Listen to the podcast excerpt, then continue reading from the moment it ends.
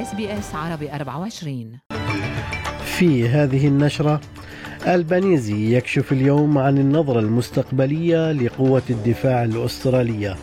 خطابان متزامنان لبوتين وبايدن حول الحرب في أوكرانيا مع اقتراب الذكرى السنوية الأولى للغزو الروسي. ووكالة الاستخبارات الأسترالية تؤكد أنها لن تتهاون في التعامل مع أي تجسس أجنبي.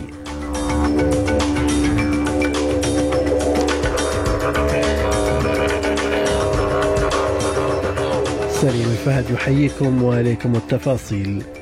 سيكشف رئيس الوزراء أنتوني ألبانيزي اليوم عن النظرة المستقبلية لقوة الدفاع الأسترالية حيث تم وضع شراكة أستراليا مع الولايات المتحدة وبريطانيا في مركز اهتمام قضايا الأمن القومي للبلاد. وفي كلمة سيلقيها ألبانيزي أمام نادي الصحافة الوطني في كامبرا اليوم سيكشف رئيس الوزراء عن قسم من المراجعة الاستراتيجية للدفاع ويؤكد أن نسخة غير سرية من التقرير ورد الحكومة عليه سوف تنشر قبل موازنة آيار مايو. واستكمل قائد قوة الدفاع السابق السير أنجس هيوستن ووزير الدفاع السابق ستيفن سميث المراجعة التي استمرت ستة أشهر لتقييم قدرة القوات المسلحة الأسترالية. حمل الرئيس الروسي فلاديمير بوتين بقوة ضد الغرب ملقيا باللوم عليه في الحرب ضد أوكرانيا. تعليقات بوتين هذه ضد الدول الغربية جاءت في خطاب حالة الأمة قبيل الذكرى السنوية الأولى للغزو الروسي لأوكرانيا التي تصادف الجمعة. وتحدث بوتين عن العقوبات الاقتصادية التي يفرضها الغرب قائلا إنها لم تنجح في هزيمة الاقتصاد الروسي. As I said, the West has turned against Russia not only a military and information force, but also an economic one. But it has not achieved its goals anywhere, and it will not. وبالتزامن مع خطاب بوتين ألقى الرئيس الأمريكي جو بايدن من العاصمة البولندية وارسو خطابا رد فيه على هجوم الرئيس الروسي على الغرب. وقال بايدن إن أوكرانيا لن تكون أبدا انتصارا لروسيا واصفا كييف بالحرة والقوية. الخطابان يأتيان مع قرب مرور الذكرى السنوية الأولى للغزو الروسي لأوكرانيا ويأتيان أيضا بعد أقل من 24 ساعة من زيارة غير معلنة قام بها بايدن لكييف. One year ago, the world was bracing for the fall of Kiev. Well, I've just come from a visit to Kiev, and I can report Kiev stands strong. Kiev stands proud. It stands tall. And most important, it stands free. ونبقى أيضا في الشأن الأوكراني حيث التقى سفراء وممثلون من الدول الأعضاء في الاتحاد الأوروبي بالسفير الأوكراني في كامرا وقد أظهر المجتمعون تضامنهم قبيل الذكرى السنوية الأولى للغزو الروسي لأوكرانيا. هذا وساهمت أستراليا حتى الآن بمبلغ 475 مليون دولار كدعم عسكري لأوكرانيا. من جانبه حذر السفير فاسيل موريشينكو من أن نتيجة الصراع قد تكون لها عواقب في منطقة المحيطين الهندي والهادئ. We need to drive Russians out completely from Ukraine. We need to restore Ukraine's sovereignty, Ukraine's integrity. It's in the interest of the of the of the world because if we can allow one country to change borders by force, what what an inspiration for other authoritarian leaders, including here in the region, who will want to actually use the strength to change those borders. في غضون ذلك أعربت الصين عن قلقها البالغ إزاء تصاعد الصراع في أوكرانيا وخطر خروجه عن نطاق السيطرة. هذا ولم تدن بكين التي وقعت شراكة بلا حدود مع موسكو العام الماضي لم تدن حتى الآن الغزو الروسي لأوكرانيا. وكانت الولايات المتحدة قد حذرت من تداعيات تقديم الصين لأي مساعدات عسكرية لروسيا لكن بكين صرحت بأنها لا تخطط للقيام بذلك. ودعا وزير الخارجية الصيني تشين جانغ إلى الوحدة في التعامل مع الأزمة We will continue to urge peace and promote talks and provide Chinese wisdom for a political solution to the crisis in Ukraine.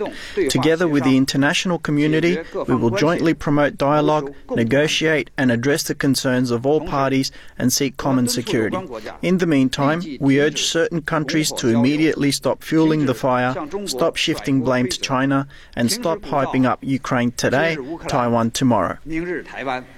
في أخبارنا العامة عاد رجال الإنقاذ للبحث مرة أخرى عن الأشخاص المحاصرين تحت الأنقاض في تركيا بعد بعد الزلزال الذي ضرب مساء الاثنين مما أسفر عن مقتل ستة أشخاص على الأقل. ويقع مركز الزلزال الذي بلغت قوته ست درجات وأربع عشر درجة بالقرب من مدينة أنطاكيا بجنوب تركيا على عمق عشرة كيلومترات. وقال وزير الصحة التركي فخر الدين قوجة إن 294 شخصا أصيبوا في الزلزال الأخير 18 منهم إصاباتهم خطيرة ونقلوا إلى المستشفيات للعلاج.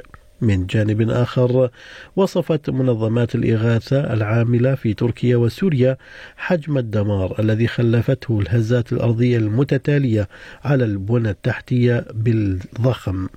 وقالت مديرة منظمة ActionAid في المنطقة العربية رشا نصر الدين في حديث لها من عمان صباح هذا اليوم مع SBS عربي. 24 قالت إن حجم الدمار في تركيا وسوريا يستلزم الدعم من جميع الجهات الرسمية والشعبية. سوريا بلد كانت عم بتعاني من من 12 سنة حرب. الحاجات كتير كبيرة فيها. يعني قد ما نحكي عنها هي هي أكبر. وحاليا هذا الزلزال هو من الأعنف يلي مرقوا على تركيا وعلى سوريا. بالتالي الحاجة الحاجة أكبر. فأكيد نحن بحاجة لكل دعم. قد ما كان صغير كثير عم دعم كثير عم بيأثر. في محلياتنا يقول الخبراء أن عددا كبيرا من الجواسيس قد أزيلوا من البلاد في الأشهر الاثنى عشر الماضية.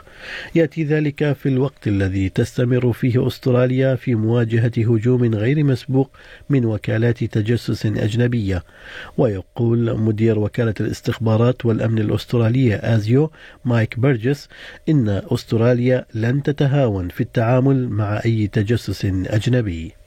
Based on what ASIO is seeing, more Australians are being targeted for espionage and foreign interference than at any time in Australia's history. More hostile foreign intelligence services, more spies, more targeting, more harm, more ASIO investigations, more ASIO disruptions.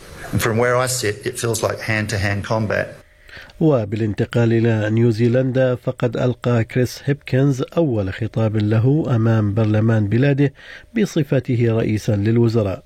وخلف هيبكنز جاسيندا آدن كرئيس للوزراء في مطلع الشهر الجاري.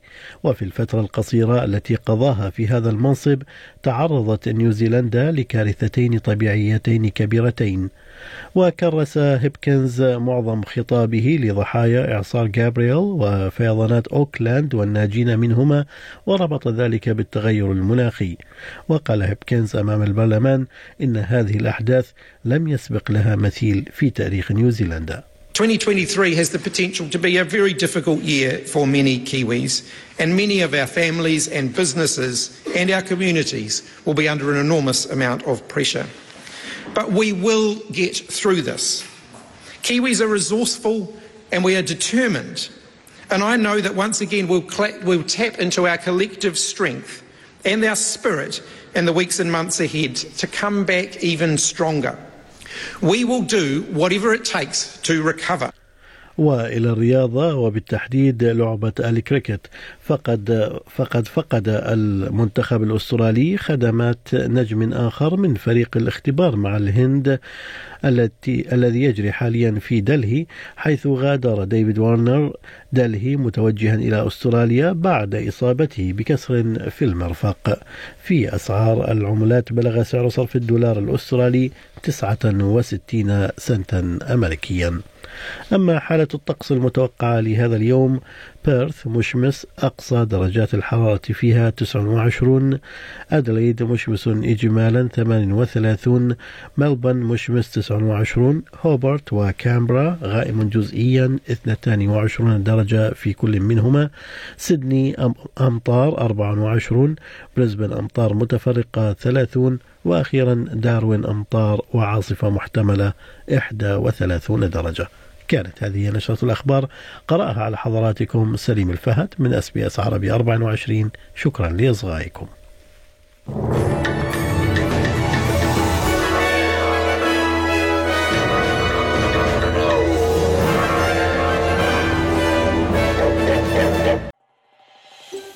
هل تريدون الاستماع إلى المزيد من هذه القصص؟ استمعوا من خلال Apple Podcasts، Google Podcasts، Spotify أو من أينما تحصلون على البودكاست.